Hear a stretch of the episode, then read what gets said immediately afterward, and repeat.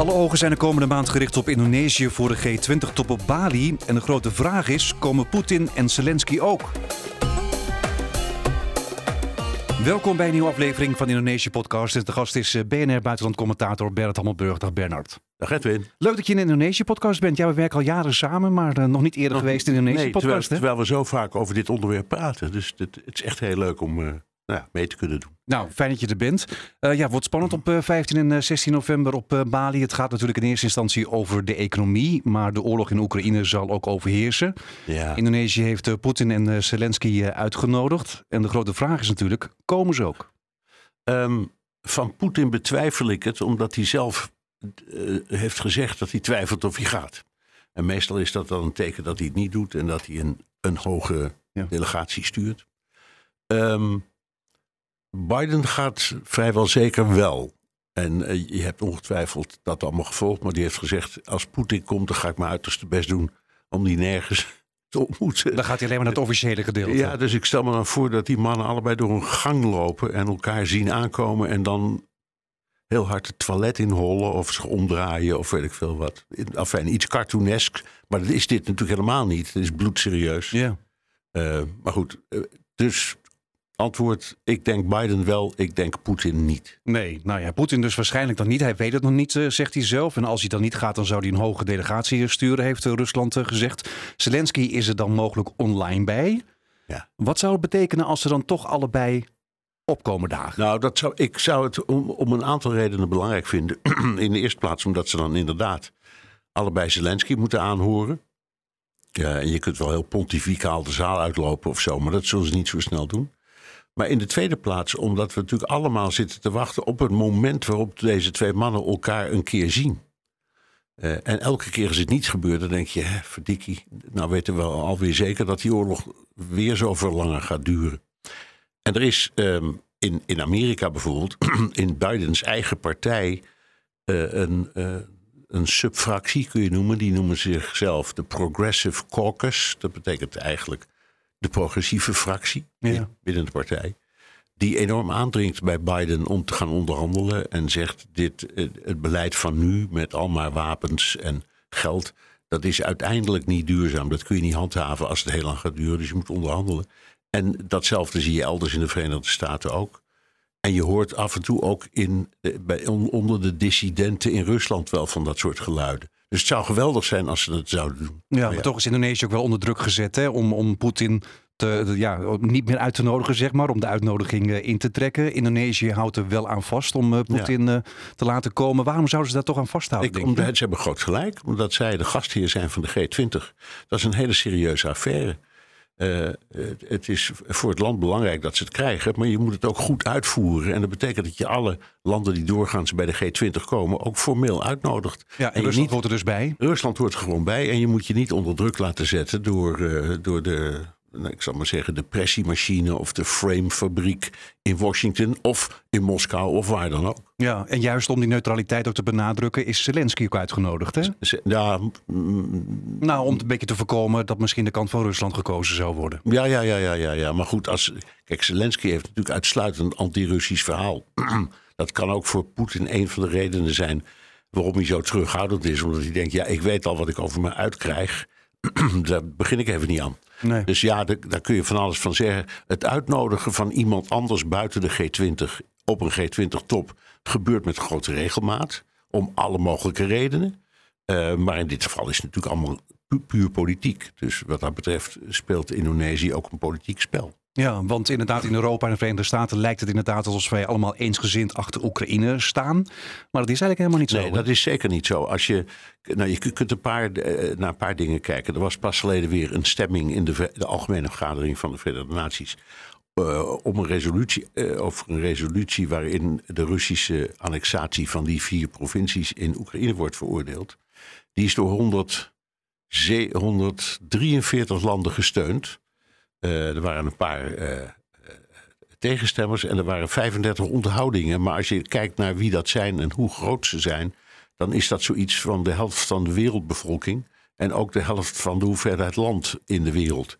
Dus, en, dus je zou kunnen zeggen dat zijn in elk geval allemaal landen die niet automatisch het Westen steunen. Nee. In Afrika is het misschien nog een tandje erger. toen de oorlog een week of zes bezig, of acht bezig was. Toen wilde Zelensky de Afrikaanse Unie toespreken. Dat heeft hij ook gedaan via zo'n zo'n videoverbinding. Die Unie die telt, ik geloof, 54 of 55 leden. En daar hebben er precies vier gekeken. En de rest niet. Nee. Dat is een verhaal, een boodschap. En die boodschap luidt, uh, bijvoorbeeld in Afrika, uh, in de tijd van het kolonialisme en onze vrijheidsbewegingen was er maar één land waar we op konden rekenen. En dat was de Sovjet-Unie. Die heeft al die vrijheidsbewegingen gesteund. Mhm. Financieel, politiek, materieel. En die mensen zeggen heel terecht: luister, ook wij hebben een geheugen. We zouden, we zouden niet zijn wie we zijn zonder wat tegenwoordig Rusland heet. Dat soort gevoelens zie je ook in bepaalde zuidelijke delen van Azië een beetje. Ehm, en inderdaad, je hebt helemaal gelijk. Wij kijken door een westerse bril. En dus zijn we ook, hoe goed we het ook proberen te doen, voortdurend ook bezig met framen. Ja, want inderdaad, eh, Indonesië, uh, voor Indonesië is de oorlog ver weg. Indonesië probeert ook eh, neutraal te blijven, inderdaad. Ze hebben dan door de inval wel veroordeeld, maar ze hebben dan Rusland niet bij naam genoemd. Dus ze spreken Rusland niet rechtstreeks aan. Is dat ook wel logisch? Ik vind het terecht. Ik vind het een correcte manier van vanuit hun, hun perspectief. Mhm. van, ik vind het diplomatiek correct. Omdat ze twee dingen zeggen van of, ja, dat, dat conflict zelf, daar, daar hebben we eigenlijk niks mee te maken, willen we ook niet. Maar we erkennen wel de soevereiniteit en de integriteit van, van een land als Oekraïne. Daar kan je niet zomaar binnenvallen. Nee. Nou, die boodschap hebben ze allebei uitgesproken. Maar zouden wij in Europa ook zo reageren? Want kijk, Oekraïne ligt natuurlijk uh, dichtbij nee, ons. wij niet, wij niet. Wij roepen... Nee, maar de Oekraïne ligt dichtbij. Maar zouden wij in Europa ook zo reageren als het om een ander land veel verder weg zou gaan? Nou, kijk eens naar Syrië. Nee, daar hebben we ook ons niet echt druk over gemaakt. Nee, dat ligt dan ietsje verder, niet eens zoveel verder, nee. hier vandaan. Um, ja, en er, is, er, zijn inmiddels al meer dan een half miljoen mensen omgekomen. En die, die oorlog gaat gewoon door. En je, we, we horen er niks over hier. Nee, we horen er niks over. Ik, ik hoor niks in onze eigen uitzendingen. En, en, en ik lees ook niks in de kranten. Nergens eigenlijk. Dus eigenlijk is het dan ook wel een beetje logisch dat het een beetje ver van de bedshow is. Ja, ja maar dat heet, dat heet dan. Er zit een zekere hypocrisie in, in het werk dat we doen. Dat kun je ons ook niet kwalijk nemen. Maar, Journalistiek bedoel je? Ja, ja. ja, um, uh, ja het, is, uh, het is nu eenmaal zo dat wanneer een onderwerp enorm veel aandacht opslokt, dat de rest van de wereld niet meer blijkt te bestaan.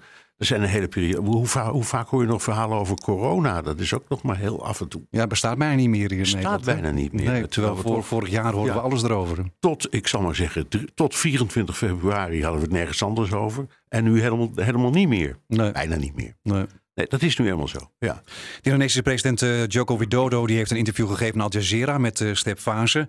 Hij zei van uh, ja, je moet om de tafel gaan zitten om die oorlog te beëindigen. Dialoog, dan een staakt het vuren en dan kan de oorlog stoppen. Ja. Zo ziet hij het. En gelijk heeft hij, dat heet realpolitiek. Alleen de, op dit moment is het zo bitter dat ik, je, het is praktisch niet goed uitvoerbaar. en hoe raar het ook klinkt, de grootste struikelblok hier is Oekraïne. En eh, nadat. Kijk, de Oekraïners dachten oorspronkelijk. de Russen houden het waarschijnlijk bij wat ze zelf hebben gezegd. het innemen van de Donbass. Uh, en op dat moment ontstaat er ook diplomatiek misschien wel ruimte. Je weet, Henry Kissinger heeft op een bepaald moment geroepen. laten we die, wat ze dan noemen, Koreaanse oplossing kiezen. Dus uh, Oekraïne moet dan maar afzien van het oosten. en de rest behouden. En, en waar kunnen we allemaal tekenen? Ja. Was het idee. Um, en Oekraïne hield dat steeds, denk ik, een beetje op afstand, maar toch wel voor een mogelijkheid.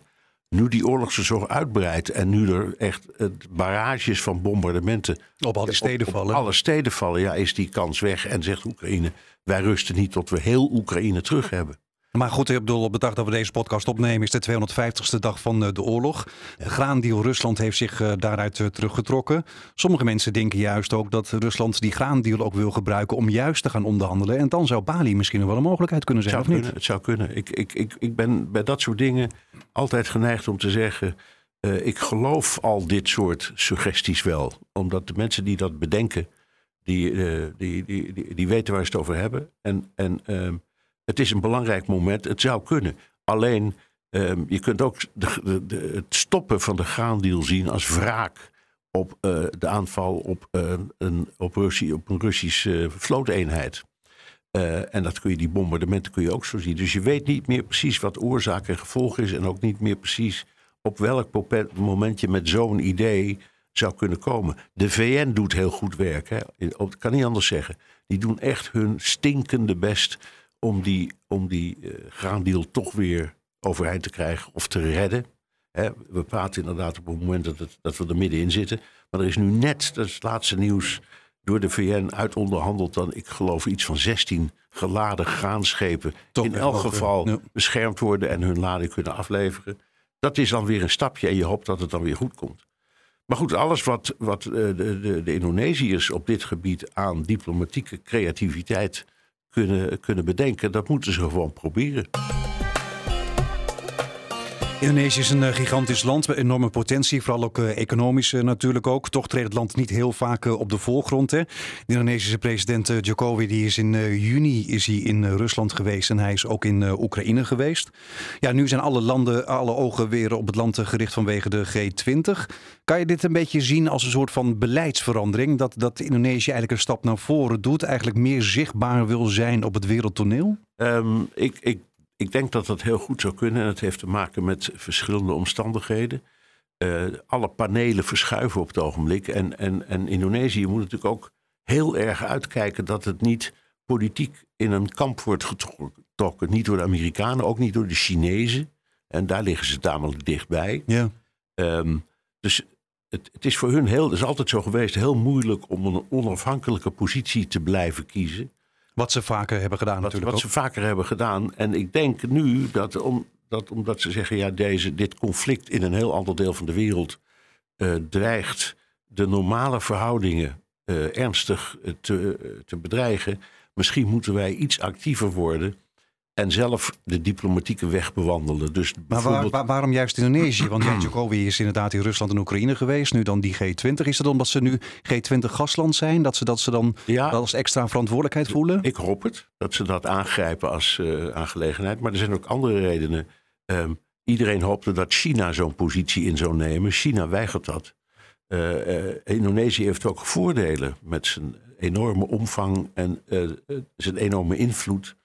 Um, dus ja, uh, het, het, is een land dat, laten we zeggen, geen ervaring heeft of geen traditie heeft als uh, internationale uh, arbiter. Maar waarom niet? Ze hebben een ideale positie. Is dit dan een beleidsomslag eigenlijk in, in wat je in het verleden hebt gezien? Nou, ik denk dat meer is wat jij zelf zegt. Ze hebben die, die, die G20 binnengehaald. En het is heel logisch dat ze in het verlengde daarvan denken: ja, dan dat is niet alleen maar een, een, een, zeggen de voorzitters hamer hanteren en allemaal mensen tegen elkaar laten schreeuwen. Dat betekent ook dat we zelf iets moeten doen of kunnen doen. Dus ik denk dat ze van de gelegenheid gebruik maken. En er valt weinig te verliezen. Hè?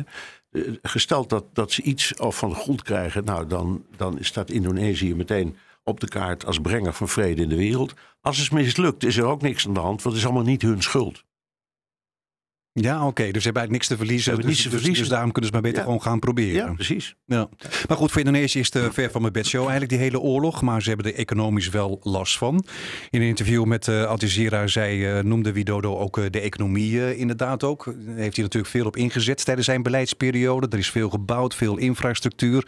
Ook tijdens corona zag je dat er werd gelaveerd tussen de economie en tussen de gezondheidszorg. Indonesië heeft dus nu inderdaad last van die, van, van die oorlog door de economie. Want inderdaad, de brandstofprijzen zijn daar ook gestegen. Kan dat nog een belangrijke reden zijn? Nou, dat weet ik niet, want ze verdienen natuurlijk ook heel veel aan uh, deze crisis. Omdat ze veel olie en gas hebben. Van de grootste olieproducenten ter wereld ja. zijn. En uh, de barrelprijs die ze, die ze bruto ontvangen is aanmerkelijk groter dan ze ooit hebben gehad. Uh, Rusland ook. Hè. Rusland heeft nog nooit zoveel geld verdiend als op dit moment. Ja, terwijl ze veel minder verkopen. Terwijl ze veel minder verkopen. Dus ik ja. denk dat wat dat betreft, ik weet het niet, je zou de cijfers moeten bestuderen. Voor de burger is het lastig. Voor de overheid is het denk ik allemaal zo slecht niet. En de vraag is wat voor beleid de overheid uiteindelijk gaat voeren als de kloof tussen wat er binnenkomt aan inkomsten en wat uh, de, de, gewone man in de straat tekort komt om te leven, als die kloof te groot wordt, dan moet ze ingrijpen. Maar ik zie de Indonesiërs dat ook best doen als het nodig is. Ja. Het zit ook wel een beetje in de traditie. Ze laten liever niet hun volk verkommeren. Nee, nou ja, olie wordt inderdaad gesubsidieerd, benzine wordt gesubsidieerd. Maar ja, de prijs daarvan is al wel flink gestegen. Ja, tuurlijk. Dus mensen hebben ook in Indonesië last van deze oorlog. Er is geen land in de wereld waar dat niet is gebeurd, nee. die prijsstijging. Ik, ik, je weet, ik, ik, ik kom nog alles in Amerika. Daar kost de benzine precies de helft van wat die in Nederland kost. Dus wij denken altijd, we zeuren ze over. Maar het is nu, die, die, de prijsstijging tot de helft van wat wij betalen is nog steeds een enorme stijging. En het is mogelijk dat alleen daardoor de democraten op 6 november de verkiezingen gaan verliezen. Zo belangrijk zijn dit soort nou ja, dingen. in Indonesië... Zal in Indonesië niet anders ja, zijn. Daar zie je demonstraties als de benzineprijs omhoog gaan. Precies. Dat is al jaren ligt dat een gevoelig punt. En Denk aan de G-lijstjes in Frankrijk. Hm. Dat begon ook, het was eerst een demonstratie tegen te hoge dieselprijzen. Dus zo gevaarlijk zijn die dingen. Dus ja, het is ook een beetje spitsroeden lopen, ook voor de Indonesië. Dus ook misschien een beetje een eigen belangen bemiddelen in deze oorlog. Ja, zou ik, zou ik wel zeggen. Ja. Ja. En je kunt het ook benoemen. Hè. Ze kunt gewoon zeggen, jongens, dit is zo'n crisis. Kunnen we niet praten? En ehm, hoe heet dat ook alweer? We offer our good offices om dat allemaal te verwezenlijken. Waarom niet? Nee. Nee. Ook zijn er natuurlijk ook eh, spanningen in, het, in Azië zelf, hè, rond de Chinese zee. Eh, China claimt, eh, net als omliggende landen, eh, dat gebied. Er ligt veel olie en gas. Zou Indonesië, als dit zou lukken, ook daar eh, nog een rol in kunnen spelen? Eh, ik betwijfel het zeer, omdat dan moet je twee dingen hebben. Dat is enorme diplomatieke invloed, die je moet kunnen laten zien, bijvoorbeeld binnen de VN. En wat dat betreft heeft Indonesië, net als Nederland of een heleboel andere landen, niet eh, een extra eh, streepje voor. En je moet beschikken over een grote krijgsmacht. Eh, omdat het enige wat indruk maakt op, laten we zeggen, de, het Chinese oprukken in die Zuid-Chinese zee.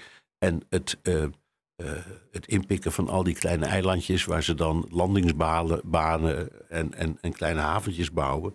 Ja, dan kun je alleen maar iets doen als je zoals de Amerikanen een vliegdekschip door zo'n door zo'n regio stuurt. Dat helpt. Ja. Dat maakt indruk. Indonesië heeft, niet, heeft, heeft wel een goede krijgsmacht, maar niet groot genoeg om indruk te maken op bijvoorbeeld China. Nee. En toch probeert eh, eh, Indonesië ook veel eh, investeringen uit China binnen te slepen.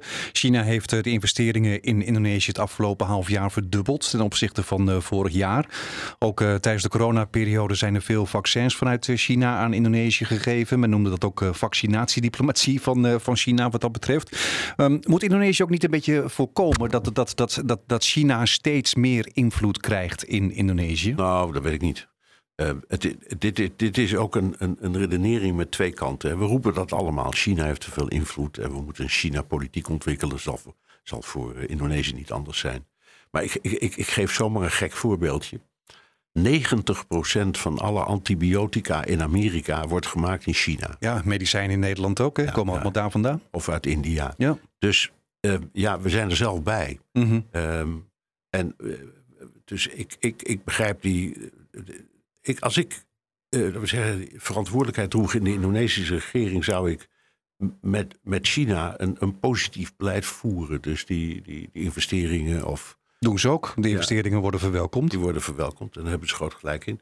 Het enige waar ze voor moeten uitkijken is dat ze niet te veel worden opgeslokt in politieke zin. Niet dat China niet gaat denken, eh Filipijnen en Indonesië, dat hoort eigenlijk allemaal een, wat invloedssfeer betreft bij ons. Zij steunen ons wel politiek, geopolitiek Ja, gezien. Ja, ja, ja. dus da- daar moeten ze voor uitkijken. Ja. Dat, dat weet- weten ze ongetwijfeld. Want eh, ehm, ik, ik, ik vind deze, deze regering voortdurend blijk geven van goede inzichten in hoe het zit in de verhoudingen in de wereld. Dus ik denk, wat, dat hebben ze wel door. Ja, toch inderdaad eh, wat je zegt. Ik bedoel, er wordt steeds meer met- wantrouwen naar China gekeken. Eh, Iedereen is een China-politiek eh, aan het ontwikkelen eigenlijk. Indonesië is natuurlijk ook gigantisch. Ik bedoel, gigantisch potentieel. Ik bedoel, zouden we toch ook vanuit het Westen misschien onze blik niet iets meer op Indonesië moeten richten in plaats van op China? Nou, dat weet ik niet. Ik denk dat als je dat vraagt aan, laten we zeggen, Macron of Rutte voor mijn part, dat ze zullen zeggen, ja, dat moet Indonesië zelf uitmaken. En wij gaan toch niet aan een ander land vertellen dat niet behoort tot iets als de NAVO of de EU. Het is een onafhankelijk land. Dat, Nee, maar, maar, maar, maar ik bedoel, Dus- kijk, we halen nu heel veel spullen vanuit, eh, vanuit China. Zou je dan ook niet meer Nou, een shift halen- moeten maken Ja, wel, eh, naar maar- Indonesië? maar ik geloof dat mijn onderbroeken uit Indonesië komen. Dus het is niet zo dat ze er niet zijn. Hè. Ook, ook, ook Indonesië is een behoorlijke industriële macht geworden. Eh, maar de, de, de vraag hoe, in hoeverre een land ehm, eh, accepteert dat een ander land de, de invloed vergroot, in dit geval Indonesië, hoe, hoe, hoe meer eh, de, China de invloed in, in, in Indonesië eh, vergroot of probeert te vergroten, hoe meer dat een kwestie wordt van de regering zelf. Kunnen, we hebben daar part nog deel aan. Nee. En, en ik denk ook niet. Kijk, het, het, de, de, de, productie, vooral de industriële productie waar je het over hebt in, in China, is zo groot en machtig. Dat kan niet zo snel worden vervangen door een land als Indonesië. Hè? Want het gaat er ook om waar praten we over. Ehm, er, is, er is nu een, een, een verhaal dat Indonesië of dat eh, eh, China aan Rusland onderdelen levert, nep, maar ze, ze werken wel, ter vervanging van bijvoorbeeld eh, vliegtuigonderdelen die normaal uit het Westen moeten komen. Ja. Maar die vallen dan onder de sancties. En de Chinezen die zeggen, nou wij, wij maken ze ook, het is namaak, maar het werkt wel. Uh, dus dat, dat soort deals die zijn er nu. Uh, Indonesië heeft dat niet te bieden. Die kan niet zeggen, nou ja, laten wij ook maar eens proberen om chips te maken. Ik noem maar eens iets Nee, maar ze proberen wel een uh, fabriek van Tesla binnen te halen bijvoorbeeld. Dat, dat is waar. Maar, en dat, maar, maar dat is, ja, ik weet niet, dat is waar. Maar dat is geen technologische ontwikkeling. Dat is omdat Tesla een markt ziet in dat hele grote land. En terecht, denk ik. Uh, ik denk dat het opwekken, van uh, elektrische energie in Indonesië, al is het alleen al door de zon, best goed kan. En ze hebben bovendien enorme hoeveelheden olie. Dus ze kunnen krachtcentrales laten lopen die ook weer elektriciteit genereren. Dus voor Tesla is dit best een leuke propositie. En voor Tesla is het heel simpel. Dan verkopen ze weer een aantal auto's en niet, niks meer en niets minder. Het vertelt ook wel iets over de vooruitgang van de Indonesische economie. Want ik ben er vele malen geweest, maar kan me niet herinneren dat ik ooit iemand heb ontmoet die zich een Tesla kon veroorloven. En nee, nou, ze zijn er wel hoor. Ja, dat weet ik. Dus er zijn mensen die echt uh, gigantisch rijk. Dat weet ik. Maar ja. ik, ik denk, het, uh, zo'n fabriek opent niet een, een, een, uh, een, een filiaal als ze niet zeker weten dat daar aanzienlijke verkopen komen. Ja. En dat kan gebeuren. Ik, ik ben ooit een keer in, in Peking geweest. In het, in, er zit een dealer van Bentley. En dat bleek het allergrootste verkooppunt van Bentleys ter wereld. Ja, ja, ja, ja. Dus je, je bent soms verbaasd over hoe die dingen lopen. Nou ja, in, in Jakarta dealers van Ferrari en dat soort dingen. Ik bedoel, je komt het allemaal tegen. En wie, dus en, het, en wie rijden het, erin? Het, geld is er wel. Ja, wie rijden erin? Nou ja, mensen die heel veel, heel veel geld hebben. En dan ja. tussen al die kleine straatjes in Jakarta, ze komen er bijna niet voorbij. Nee. En dan denk ik van, koop nou een klein autootje, dan kan je ervoor langs. Ja. Maar ja, het is toch status, hè? Nou, nog. En een Tesla ook. Ja. ja. Die G20 ja, die wordt natuurlijk een beetje overschaduwd door de oorlog in Oekraïne. Het gaat natuurlijk in principe over de economie. Hoe belangrijk is zo'n G20 eigenlijk? Um, ja, laat, laat, laat ik positief zijn. De, het is belangrijk. het zijn de twintig grootste economische machten. Um, en er zijn andere dingen die ook een rol spelen en die ook daar vaak worden besproken en aangepakt. Ik noem maar eens iets. De dollar staat veel te hoog. Dat is lastig. Hebben veel uh, ontwikkelingslanden Heel ook veel, last van? Niet alleen ontwikkelingslanden, de hele wereld heeft er. Want dat is de vaste munt. Hè. Alles wordt uitgedrukt in dollars. Gaat ook over de olieprijs. Gaat over van alles en nog wat. Uh, en op zo'n G20 komen vaak uh, de, de, de, de, financiële toppers bij elkaar. Om te kijken bijvoorbeeld of ze kunnen besluiten om gezamenlijk dollars uh, te dumpen. Uit hun eigen voorraden. Om het dollar omlaag te krijgen? Om, om, omlaag te krijgen, ja. En dat, dat, dat lukt nog wel eens. Dus er zijn ook hele andere dingen die worden besproken. Ja, want ook Nederland is bijvoorbeeld ook gastland. Hè? We hebben afgelopen tijd ook allemaal ministers uh, die hebben nou, allemaal leuke reisjes naar Bali gemaakt en zo. Ja. Wat gebeurt er allemaal in, in, in, al die voorbereidende sessies dan? Nou, ik denk, er zijn twee dingen. In de eerste plaats een agenda. En je, we noemen nu al een aantal dingen. Er zijn ook een heleboel dingen die ik zo snel niet kan bedenken, maar die vast ontzettend belangrijk zijn. Het gaat allemaal over internationale samenwerking en conflictbeheersing. Nou, er is nogal wat op de wereld. Hè. En, en ja, er zijn ook vergeten conflicten die er nog steeds zijn. Um, de positie van zo'n land, inderdaad, in, uh, waar het ligt. De bedreiging vanuit Noord-Korea, bedreiging vanuit China. Dat komt allemaal op die agenda. En wat ze ook vaak doen, is dat ze al beginnen te schrijven aan het slotdocument. Hoe gek het ook klinkt, bijna bij al dit soort conferenties is het slotdocument al klaar voordat de conferentie begint. En dan hoeven de regeringsleiders alleen nog maar een handtekening ja, te zetten. Of een zinnetje te ja, veranderen. zinnetje of- veranderen. of aan, aan te, ja, en het is een enorm werk. Ja. Want het- zijn hele uiteenlopende onderwerpen. En je moet aangeven waarover je het eens bent geworden. Of er beleid uit voortkomt, of dat je alleen maar iets vaststelt. Eh, als je zorgen hebt om de oorlog tussen Oekraïne en Rusland, is dat wat anders dan dat je, waar we het net over hadden, zegt, nou misschien moeten we een poging doen, eh, actieve poging doen om te bemiddelen of om, om de tafel te krijgen. Nou, dat moet allemaal netjes op papier. En dan moeten de landen die, uh, die daar scrupules over hebben, ik noem maar wat China of, of India of zo, die moeten ook meedoen. Dus het is heel veel diplomatiek gesteggel en dat duurt maanden voordat zoiets gebeurt. En eigenlijk, uh, ja, je, kun je zeggen, uh, het, is, het is een beetje als heel veel politieke debatten, ook bijvoorbeeld in de Tweede Kamer. Al die, al die interventies zijn al lang voorbereid. En je weet ook precies van tevoren wat ze allemaal gaan zeggen. Ja. Dus de vraag is: is dat wel een debat of is dat alleen maar het afleggen van verklaringen? Zo gaat het daar ook wel een beetje. Okay. De andere kant is dat er komen leiders van twintig landen, plus gasten die ze altijd uitnodigen, die elkaar kunnen ontmoeten. En dat is hetzelfde als wat je ziet bij de Algemene Vergadering van de VN in New York. Alle 193 landen komen daar, die doen allemaal een babbel, die reutelen allemaal een toespraakje af. Totaal oninteressant. Maar ze ontmoeten elkaar wel in de wandelgangen. Dat is wat Frans Timmermans noemde dat political speed dating. ja, ja. En dat gaat iedereen op, even, en dat gaat op Bali op grote schaal gebeuren. Dat weet ik heel zeker. Ja. Inderdaad, nou ja, op Bali vindt het allemaal plaats. Hoe belangrijk is dat voor Indonesië eigenlijk? Dat, dat, het, dat het daar plaatsvindt? Nou, het geeft enorm aanzien. En, en het is respect, aanzien, uh, erkenning. Uh, dit is een land dat meetelt. Dat is ook belangrijk. Maar ja, het is, uh, hoe lang duurt het? Een paar dagen. Is weer, ja, twee dagen is weer voorbij. Is weer voorbij. Ja. ja. Maar, maar je zei het al, Indonesië heeft eigenlijk helemaal uh, niks, uh, niks te verliezen. Maar ja, toch, ik bedoel, wat nu als inderdaad Poetin niet komt, Zelensky niet komt? Ik bedoel, ze hebben toch heel veel hun best gedaan om ze toch daar naartoe te krijgen. Om toch een bemiddelende rol ja, te kunnen al die spelen. al die andere landen komen wel en die vinden ook allemaal iets. en dat gaan ze ook uitdrukken. Dus ehm, dan, je kunt niet zeggen als in een groot conflict de hoofdrolspelers niet komen, dat zo'n conferentie dan geen zin heeft of mislukt. Want die gaat over zoveel andere dingen. Dus ja. Uh, dus Indonesië zou het ook een succes kunnen claimen, stel dat ze niet komen. Maar als bijvoorbeeld een doorbraak wordt uh, bereikt op, uh, op duurzaam, verduurzaming van de stroomvoorziening. Precies. Indonesië heeft nog veel kolencentrales. Ja. Ze willen graag hulp van het buitenland om dat allemaal te verduurzamen. Dus als dat zou lukken, dan, dan, dan, dan is het alsnog een succes? Natuurlijk, omdat ook als je op hele lange termijn denkt, dat klinkt dan ook weer uh, een beetje vreed. Maar ooit is die oorlog voorbij. En waarschijnlijk is die eerder voorbij dan dat we het klimaatvraagstuk hebben opgelost. Dat is eigenlijk dus ernstiger. Dus als op dat punt een doorbraak van welke orde dan ook komt, dan is het ook een succes. Moet je niet onderschatten. Dankjewel. BNR Buitenland-commentator Bernard Hammelburg.